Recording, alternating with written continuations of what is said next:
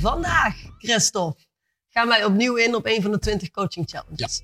En ehm, deze coaching challenge waar we nu over gaan spreken, heet de dode rat. Eh, is dat net zoiets als de roze olifant? Dat zou je wel kunnen zeggen. Of de Oh. paarse krokodil. Nou. Of eh, weet ik veel hoe dat je het tegenwoordig kunt noemen. Maar de dode rat, ik, eh, ik vergelijk dat altijd net zoals... Ik weet nog heel goed, ik zat ooit op school. Ja. Eh, gelukkig zat ik ooit op school. Nou, niet helemaal. Maar goed, dat terzijde. Ik zat op school en eh, we hadden iemand bij ons in de klas... die heeft zo een, een, een zakdoek. Die, als je die te lang in je broek laat zitten, wordt die hard. Van de neussnutten, laat het Ja, duidelijk dat zijn. wou ik zeggen, die wordt Ja. niet automatisch vanzelf af. Nee, dat zou een rare, rare zakdoeken zijn. Dus Oh. ik weet nog heel goed dat die eh, tussen mij in lag en eh, de desbetreffende persoon. Ja. En ik dacht, oh nee, dus ik schop dat ding zo onder de, onder de schoolbank in. En ik, ik had door dat nog iemand dat door had. Dus op een gegeven moment waren we tegen dat ding aan het schoppen de hele tijd. Totdat de, le- de leerkracht, Jan, ik zal het nooit vergeten, dat ding pakte, gooit hem op eh, de tafel. En natuurlijk begint dan een beetje het spelletje van, ja, ik weet van niks en ik weet van niks. En iedereen had hem aangeraakt. Hmm. In andere woorden, Dus in jouw geval kunnen we ook zeggen de snotterige De zakdoek. snotterige in zakdoek, de inderdaad. Ja, precies. Het is vuil en niemand wil er zijn handen aan vuil maken, maar het is ook niet van iemand überhaupt in de zaal. Nee, niemand natuurlijk is de niet kan. Exact. Ehm, ik vind trouwens dat, eh, ja, Johan, jou wel bekend, is daar bij ons een fantastisch voordeel- voorbeeld in. Ehm, Johan runt natuurlijk al een aantal jaar groepen waar dat wij mentorship op hebben geplakt. Mhm. En ik weet nog heel goed dat ik een tijd geleden tegen Johan zei, ik was een, een online meeting aan het terugluisteren. Ik zeg, er is niemand die zo tegen die gasten spreekt als dat jij spreekt. Mhm. Oftewel, het is voor die gasten een sobering experience. Mhm. Want het is gewoon, bij iedereen zit shit. Of je nu een soort van Elon Musk bent of de ondernemer in de stad. Overal en bij iedereen zit shit. Alleen dan komt het echt te werk. En als je een daadwerkelijke prestatiecoach bent, dan durf je gewoon dat wat onder tafel zit, waar iedereen maar loopt tegen te schoppen, Mhm. en soms jaren aan een stuk, te zeggen, pakken, boef, op de tafel te smijten. En in één keer is dat waarover moet gesproken worden En op tafel. hier gaan we nu eerst eens naar kijken. Dat is Ja. het idee. Precies. En wat je dan wilt gaan opmerken is, wie zijn mijn mensen? Niet hoe ze reageren, want dat zegt ook wel iets, Ook maar vooral iets, ja. wie is daar? Want als daar gewoon iemand zit, oké, luister, mijn aandeel hierin is dit. En de andere zegt, mijn aandeel erin is dat. Mhm. Maar over het algemeen is dat niet een cultuur die dat je hebt in een bedrijf. Nee. Zelfs als wij bij krachtige bedrijven komen, ogenschijnlijk, is er ook heel veel politiek. En Ja. heel veel, ik schop hem naar die afdeling en ik schop hem onder die tafel naar die. Weinig mensen durven gewoon de dode rat op tafel te gooien en te zeggen waar het. Hoe, Christophe, is Mhm. dit een coaching challenge? Als je het mij vraagt, kan dat op heel veel verschillende manieren bekeken worden, Mhm. maar ik zal het simpel houden. Er kan over het algemeen hier en daar eens een keer een onderwerp zijn waar iemand niet over wil spreken. Mhm. Dodging a bullet, zou Duchan zeggen. Ja. Maar op een gegeven moment kun je niet meer de hele tijd al die kogels ontwijken en dan wordt het gewoon tijd om eens een keer raak te schieten. En ik kan me nog herinneren dat ik ooit een gesprek had met iemand. En die man die was altijd heel druk in het gesprek. Dat was op zich niet het probleem. Maar wat mij opviel, nadat we volgens mij, ik denk drie maanden ver waren, een hoop presentatie gecreëerd, dus dat was goed. Mhm. En ik vroeg aan hem, hoe zit het eigenlijk bij u thuis? Zet jij getrouwd of hoe zit het eigenlijk? Ik heb Nee, nooit van u daar iets van gehoord. Nee, daarom. Want het is bij mij al simpel. Ik kom online en dan is het, wat is hetgene wat dit gesprek de moeite waard gaat maken voor Ja. je? Nooit sprak hij over de thuissituatie. Dus ik stelde mij geen vragen bij. Hij zegt, ja, maar daar, daar hoef ik niet over te spreken en daarvoor huur ik jou niet in. Ik huur jou in voor resultaat binnen de business. Oké, fijn. Ik dacht, inderdaad, oké, fijn. En toen was het mooi. Ik denk dat we anderhalf maand verder waren. En hij belde altijd vanuit thuis. Maar nu was het dat hij belde van op zijn kantoor. Waarom? Geen idee. Dus een kwartiertje ver. En eh, hij belde mij dus, we zijn bellen, een kwartier ver. En in één keer zegt hij, oh Christophe, wacht heel even. En ik hoorde dat er iemand binnenkwam bij hem op het kantoor. En hij ging mij toch tekeer. Oh. Ja, het was een vrouw. En hij ging echt tekeer, met schreeuwen alles erop en eraan. Hij komt terug. Ja, zeg het eens. Ja, we gaan ook over bespreken. Waar waren we gebleven? Wow, oké. Stefan, even eh, wacht even. Even rustig aan. Wat gebeurde daar net? Doet er niet toe. Laten we gewoon even spreken over... Stefan, wat gebeurde daar net? En hij bleef die kogel maar ontwijken. En ik zei, luister, wij gaan niet verder. Ik heb nog 40 minuten. Ik wil weten wat er daar is gebeurd. Want het is gewoon niet normaal. Aap uit de mouw. Dit was zijn zesde directiesecretaresse op 2,5 jaar tijd. Oké. En de rest ga ik je besparen. Maar het Mhm. kwam erop neer, de dode rat was zijn relatie tot vrouwen. Oké. En hoe hij überhaupt een relatie had tot vrouwen. Mhm. Dat had dan weer een, eh, een effect op zijn privéleven, waarom het hij vreemd ging. En eh, drie keer is getrouwd geweest en Noem maar op. noem het maar op. En dat is een dode rat. En het mooie was, in totaliteit had hij mij gezegd dat hij drie coaches heeft gehad, waarvan ik de derde was. En het was nu nooit iemand gelukt om te spreken over de privé. En op een gegeven moment werd het denk ik dat wij zeven sessies hebben gehad, alleen maar over zijn relatie tot vrouwen. Ja. En wie hij is in zo'n relatie en vooral, ja, wat doet dit met mijn toekomst? Wat doet het met de kwaliteit van mijn relaties? Als jij als coach zijnde, want je zegt net, hij heeft twee coaches gehad voor jou en Ja. die zijn daar nooit bijgekomen. Ehm, als, jij da- als jij die dode rat niet op tafel had gelegd, als je, dan, als je dat niet op had weten te vangen, zouden we dan kunnen stellen dat de kans waarschijnlijk groot was dat hij na een jaar met jou ook jou weer eh, buiten de deur had gezet? Omdat een dode rat is over het algemeen iets wat daadwerkelijk aangepakt moet worden. Wordt het niet aangepakt, dan kan er fundamenteel niks shiften of transformeren. Eh, absoluut. Mhm. En ja, dat- kan twee richtingen ingaan. Mhm. Want dat is over het algemeen zo pijnlijk dat mensen gewoon echt beslissen ook, luister, ik ga die deur niet openen. Nee. Dus dit stopt hier. Dat heb ik ook al een paar keer meegemaakt. Mhm. En ja, dan moet je de ballen hebben om ook gewoon als coach te durven zeggen, dan stopt het hier. Ja. Want ik vind dat onethisch. Als ik duidelijk zie dat iemand onwerkbaar gedrag vertoont naar zichzelf en naar anderen, en hij wil daar ver van wegblijven, ja, dan is het een bepaalde ethische kwestie, zou je bijna kunnen zeggen. Dan Ja. moet voor elke coach moet hij dat gewoon zelf invulling geven. En dan denk ik bij mijn eigen, hier stopt het.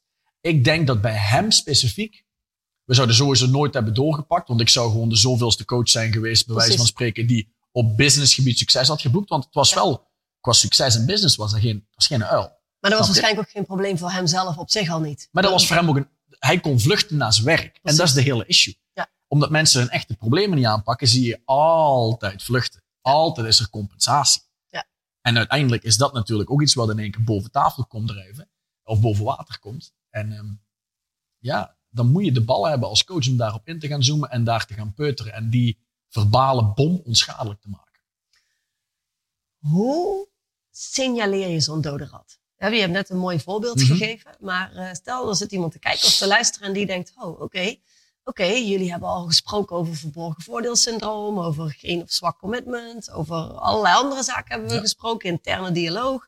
Ehm, de dode rat, de dode rat. Als je, de dode rat is persoonlijk een van mijn favorieten, moet ik heel eerlijk zeggen. Oh. Ehm, op, op een of andere manier, maar ik denk dat ik dat al, nou ja, goed, wij kennen elkaar natuurlijk al heel erg lang. Eh, vanaf jongs af aan al, als, als er iets gaande was, ook tussen ons als vrienden of zo, dan gooide ik dat ding op tafel en zei ik, we gaan hier eerst over spreken en dan gaan we door. Ja. Ehm, dus als iemand aan mij zou vragen, Mandy, hoe, hoe vang jij dat op, zeg maar? Hoe, hoe signaleer je zo'n ding? Mhm. Oh, dan moet ik heel eerlijk zeggen dat ik dat best wel lastig vind om over te dragen, omdat het... op Nou, een en toch is er manier- iets wat ik, jij ik zie ervaart dat, ik voel dat, ik ervaar dat, Ja. maar ik kan niet de vinger erop leggen. Kun jij dat wel? Dit zou veel mooier zijn als ik nu naar jou terugvraag. Waar zie jij het jezelf toch doen en succesvol afronden? Helaas. Jammer, moeten eens een keer een nieuwe serie maken. ik, ik denk, eh, wat ik net al zeg, iemand blijft weg van een onderwerp. Mhm. Want ik kan best wel zeggen dat ik over het algemeen altijd kijk naar, je hebt zoiets als gezondheid, vitaliteit. Dat is een onderwerp waar je natuurlijk wel met mensen over spreekt. Ja. Je hebt zakelijke relaties, je hebt zakelijk resultaat, je hebt persoonlijke relaties en persoonlijk resultaat. Daar kun je best wel kun je allemaal op inzoomen. Maar Ja. in de kern is het natuurlijk toch, als, als coach zijnde, als performance coach zijnde, ga je aan de slag met datgene eh, waar de persoon om vraagt. Ja. Ja. En ik denk vooral dat als we, als we gaan kijken, sowieso nogmaals, een onderwerp wat ontweken, ontweken wordt, Mhm. daar kun je te maken hebben met een dode rat. Ehm, vooral ook niet specifiek durven worden. Mhm. Dat is iets wat als je dan toch zegt, jij, je hebt één gebied en daar huren ze je voor in en daar wil je kijken, wat is daar de dode rat? Ja. Als je begint door te vragen en iemand wordt niet specifiek. Of, Mhm. dit kan natuurlijk ook, het is een soort van, ja, maar ik weet dat niet zo goed, want dat ligt bij iemand anders. Ja. Dat zou ook kunnen. Het is allemaal een beetje vaag. Ja, en ze hebben er, het lijkt wel alsof dat ze er zelf geen controle over hebben, maar vaak is het iemand anders die er dan zo gezegd weet, maar zij zelf vinden dat vervelend of moeilijk of hebben er gewoon geen zin in om zich daarmee te gaan moeien. En dan is dat ook een dode rat over het algemeen. Ik heb wel eens ooit meegemaakt dat een zakelijke relatie, dus een aandeelhouder, aandeelhouder, ik coachte een van de twee, dat ik een van die twee die ik dus coachte, uiteindelijk bewust maakte van het feit dat hij geen idee had wat de andere nu echt deed. Hm. Ik begon gewoon te standaard te vragen van, nu zijn we al langere tijd bezig. Wat doet hij precies? Eh, A, B en C. Oké, maar wat, doet hij nu precies? Ja, precies. Ja, X, Y en Z. Oké, je hebt nog altijd niet gezegd wat hij daadwerkelijk voor verantwoordelijk is. Waarom zeg je dat niet? Ja, daar moet, moeten we eigenlijk zelf ook nog eens over spreken, over die taakfunctieomschrijving. En hoe lang werken jullie samen? Ja, nu, nu 2,5 jaar. Ja, als ik met mijn, eh, met mijn vrouw al 2,5 jaar in hetzelfde patroon draai, dan moet ik me toch eens een keer stellig de vraag gaan stellen: wat zie ik hier niet wat ik wel zou moeten zien? En wat spreek ik niet aan? Hier gaan we, wat ik wel zou moeten aanspreken. Want een, een dode rat is altijd een conversatie die niet gevoerd is geworden. En Mhm. dat komt doordat mensen het over het algemeen niet willen voeren, niet durven voeren, bang voor de reactie, bang voor de uitkomst, bang voor de shit, de skeletten die uit de, de Is kast dat gaan misschien niet, eh, is dat misschien wel, wel niet, wel niet een van de, de ah, grootste dingen die mensen uit de weg gaan? Conversaties die wel nodig zijn? De gesprekken die Zeker. gevoerd moeten worden, maar uiteindelijk niet gevoerd worden. Ehm, ik denk voor alle eh, performance coaches in, in de regio van business die kijken en luisteren naar, eh, naar deze serie, is het ook wel heel interessant om te weten dat die dode rat, op het moment dat je met ondernemers werkt die gewoon een fatsoenlijk team aan medewerkers hebben, eh, of misschien een fatsoenlijk managementteam, is daar niet heel vaak sprake van een dode rat? Is daar niet heel vaak daar is gaande dat er sprake van, een, daar is sprake van undisclosed conversations. Mhm. Jij, jij en ik hebben al een paar keer gesproken over dat wat we noemen de conversaties onder tafel. Ja. Of die unspoken en die unsaid. En dan kom je over het algemeen uit op al die dode ratten. Omdat men wil daar niet over spreken. Je, je, je zou het ook kunnen zeggen als dingen die mensen bewust achterhouden. Hier wil ik niet over praten. En dan kom je dus op een punt in zo'n meeting. Dat kan zijn een management meeting. Dat kan zijn gewoon een team meeting. Dat kan zijn een bestuursvergadering. En als coach, als je echt waardevol wil zijn, ja, dan moet je gewoon gaan naar Tot de kern. de Tot de kern. absolute kern. en de oorzaak is altijd de mensen natuurlijk daar aan tafel. Want als iemand de ballen heeft om iets aan te spreken, wat ik net zeg, zo'n Johan van der Put die met zo'n groep ondernemers zit, waar dat iedereen maar ja en amen knikt De en ze naar de mond praat. Mhm. Want iedereen is bang om ontslagen te worden of om gedegradeerd te worden of noem het maar op. En dit is gewoon, je speelt all out. Highly intentional, zero attachment to outcome. Dat is het probleem. Mensen durven een dode rat niet aan te raken omdat ze bang zijn voor de uitkomst. Ze zijn attached, gehecht aan de uitkomst. Gehecht aan er goed uit willen blijven zien. Want als ik een dode rat heb en jij haalt die op tafel, wat ik al meermaals heb meegemaakt, dat jij dat doet, ja, dan is die, die rat op tafel en ja, wat gebeurt er? Boef, ik, ik verlies mijn gezicht of ik ga me schamen of ik moet, ik moet clean komen, moet eerlijk worden. Maar is het eigenlijk niet zo dat dat alleen die eerste paar momenten is, zeg maar? Eh, Ik zou kunnen zeggen, de, de- een fractie van een seconde, dat eerste moment. Voor sommige mensen of sommige teams misschien de eerste paar uur of de eerste paar dagen. Zeker. Ehm, maar uiteindelijk, wat mijn ervaring is, is dat het redelijk snel omslaat naar een bepaalde opluchting Het geeft ruimte en vrijheid. en ruimte inderdaad. in, in de relatie zelf, Exact. maar ook in het eigen hoofd. Want als ik Ja. rondloop, of als mensen rondlopen met withholds, dingen die dat ze achterhouden, geheimen, Mhm. en allerlei deeltjes of al die shit waar ze niet over willen spreken, ja, dat, dat, dat is een soort van taaltumor. Ja. Dat is hier door eigen taal gecreëerd, want jij weet wat je aan het verbergen bent. Mhm. Dat speelt hier, dat wordt groter, dat wordt groter, dat wordt groter. En jij begint dingen te merken aan mij. Ja. Ik ben een soort van onhandig, of ik stotter, of ik, ik durf je niet in de ogen aan te kijken, of duizend en één dingen die je zou kunnen opvallen. Mijn essentie is het, je merkt aan wie ik ben, Mhm. die gast is gewoon niet steady. Die gast is gewoon niet gegrond en geaard. Er is iets, something's off. Er is iets mis. er is iets mis. is mis. Nou, Oké. ehm, kun je nog, nog één keer inzoomen op hoe dit dan een coaching challenge is? Dus, dus Ja, oké, we zeker. spreken over de dode rat. Ja. Ehm, als coach zijnde, waarom staat dat in de weg om te komen tot succes en resultaat? omdat als jij niet de dode rat van onder de tafel naar boven de tafel kunt halen, heb je over het algemeen geen echte, geen oprechte gesprekken. En dat geldt voor de coach en de cliënt.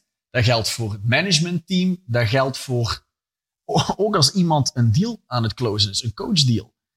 Ik bedoel, ik heb al vaker meegemaakt dat ik in een gesprek zit met iemand en dan werkt hij nog niet met mij. Mhm. En dan druk ik op drie dingen. Gewoon omdat ik duidelijk zie, oh, hier wilt hij niet naartoe gaan, daar blijft hij weg. Mhm. En dan begin ik te prikken. Hoe vaak ik al niet heb gehoord dat iemand tegen mij zegt, goh, jij weet nu al na een anderhalf uur gesprek meer dan mijn partner. Ja. Dan denk ik, ja, dat zegt niks over mij. Dat zegt alles over, jou en hoeveel dode ratten jij thuis hebt liggen. Dat moet nog wel Ja. stinken zeggen. Ja, of over de partner. Nou ja, goed. Dus in ieder geval, er zijn, er zijn bijzonder veel onechte gesprekken dan. Hè? Ja, wezen. En als de partner dat tolereert, dan zeg je ook iets. Ook als ondernemer, als je tolereert dat er allemaal dode ratten blijven. Ja, sorry, maar dan ga je struikelen. Oké, heb je een laatste tip of een opdracht of iets hoe we dit als performance coaches eh, voor ons kunnen laten werken? Zonder dat eh, een hele hoop coaches na het eh, zien of horen van, van deze content ehm, in één keer de wereld ingaan en op zoek gaan naar dode ratten. Laten we Allemaal eerlijk wezen. rattenvangers worden. we eerlijk wezen, ja. Er zijn, ook- er zijn ook een hele hoop cliënten die je kunt coachen waar geen sprake is van een dode rat. Of klopt. wellicht zelfs wel sprake is van een dode rat, maar die gewoon pas twee, drie jaar later eigenlijk soort van in de picture komt en dan op tafel moet komen. Ja, klopt. Dus heb je nog iets of een opdracht of iets wat je ons mee kan geven? Ja, ja, jij zegt net iets wat in één keer in mij opkomt. Ja, nee, wat, er mij opkomt, is jij zegt dat kan misschien over dit en een paar jaar pas een probleem worden. Dan ga je zoeken naar potential trouble sources. Je gaat gewoon kijken naar wat is een potentieel probleem. Um, en een dode rat kan inderdaad verborgen zitten. Maar ik zou vooral zeggen, kijk bij jezelf. Mhm. Wat, wat is een onderwerp wat ik niet aandurf te gaan? Hmm. Er komt nu een cliënt in mij op die wil bijvoorbeeld nooit spreken over seks en over de gemeenschap die ze heeft met haar partner. Daar blijft ze altijd van weg. Heel secretive. Wat voor gesprekken heb jij? Nou ja, ja goede gesprekken hoor, als je dat zo hoort. Nee, is een grapje. Oké. Nee, maar dat is een issue. En ik hoor het via een partner. Nee, niet een partner, via de Ja, Heeft partner. er één. Ja, precies. Dan mag ik toch op van wel. Misschien is dat het probleem. Is dat Kom hier in één keer een soort van erachter wat het probleem is. Oké, Maar ja. Dus haar partner heeft jou gecontact over, Ja, precies. omwille van het feit, hey, ons seksleven is ruk. Exact. Ja, ja, hij wist inderdaad natuurlijk al dat ik een langere tijd met haar werkte. En ik werk niet met hem. Maar hij had wel zoiets van, luister, ik denk dat het goed is dat jij dit weet. Ja. Want er is op dat gebied nog altijd niks veranderd. Oké. Ja, en Dat is ideaal, van die partners die contact hebben. Zeker, Ik vind dat ja. altijd wel tof. Want misschien is dat trouwens ook wel een goeie. Als je niet zelf zou weten waar klaag ik over of waar blijf ik van weg, dan vraag het maar aan je partner. Ja. Jij bent er ook heel goed in, heb ik geleerd van jouw partner. Waar ben ik goed in? Ja, dingen in boven de- tafel gooien in het... eh, In het eh, Ik denk dat vrouwen daar sowieso heel erg goed in zijn. Nee, Ja, nee maar oké, helder, helder. Dus jij zegt, ga kijken naar je eigen dode ratten. ja. ja, vooral ga kijken, want nogmaals, het, als mensen echt eerlijk worden met zichzelf, dan kun je gerust gaan kijken naar waar blijf ik altijd van weg, waar spreek ik heel veel over. En als ik ergens heel veel over spreek, doe ik dat omdat ik iets wil maskeren. Mhm. Doe ik dat omdat ik iets wil verbergen. Nogmaals, het zijn al die dingen die je verbergt. De dingen die dat je geheim houdt. De dingen die dat je niet wilt dat anderen... En misschien is dat net een stapje te ver voor de oefening. Ik zou zeggen, kijk gewoon naar waar je niet over spreekt. Ja. Wat je echt voor jezelf... Wat je terwijl je, eigenlijk weet, bewust achterhoudt. bewust achterhoudt. Terwijl je weet, als ik het toch zou kunnen bespreekbaar maken... Mhm. Hoeveel ruimte is dat dan een tweede deel van de opdracht? Ja. Zouden, zouden we kunnen stellen, Ja. kijk, wij zijn natuurlijk eh, ehm, vo- volledig van mening dat als coach, als performance coach, ben je behoorlijk hypocriet als je niet zelf een coach hebt. Mhm. Hè? Dus ehm ervan uitgaande dat, dat de, de echte performance coaches die luisteren of kijken naar deze content, dat zij zelf ook een coach hebben, dan Ja. zou een eerste vraag wel kunnen zijn, ga eens kijken naar wat jij voor jouw coach eigenlijk achterhoudt. En wat de reden ervan is waarom je het achterhoudt, doet er niet zoveel toe. Maar kijk eens wat je achterhoudt. Ja. En zou dan deel 2 van de opdracht zijn, gooi die rat dan eens op tafel. Ja. Ga, ga het gewoon eens aan. Stop eens met het achterhouden. Gooi het daar neer en, en ga het gesprek aan en kijk wat er gebeurt. Ja, dat is, de aller, dat is het, het meest voedende, het meest beste wat je zou kunnen doen voor jezelf. Hoe cleaner je zelf bent, hoe beter je andere mensen kunt helpen. Ja, absoluut. Dankjewel. Opnieuw kan ik niet ehm, goed genoeg op het hart drukken hoe belangrijk het is als coach en als performance coach om eerst zelf aan de slag te gaan met content die je tot je neemt. Of het nou via ons kanaal is of via andere kanalen. Het heeft heel weinig tot eigenlijk helemaal geen nut om je als papegaai te gedragen, dingen die je hoort te herhalen richting je cliënten en, en het gewoon maar dood te laten vallen. Want dat is wat er dan gebeurt. Het gaat erom dat jij als performance coach in staat bent om dingen te gaan zien die jij voorheen niet zag, zodat je je cliënten dingen kunt laten zien die zij tot op die dag nog niet gezien hebben. En dat kan alleen als je bereid bent om het werk te doen aan jezelf. Dus opnieuw nodig ik je uit om te gaan naar innerstance.com, download de bijbehorende documenten, doe de opdrachten, werk aan jezelf en zorg dat je je skills als coach verdiept en verbetert.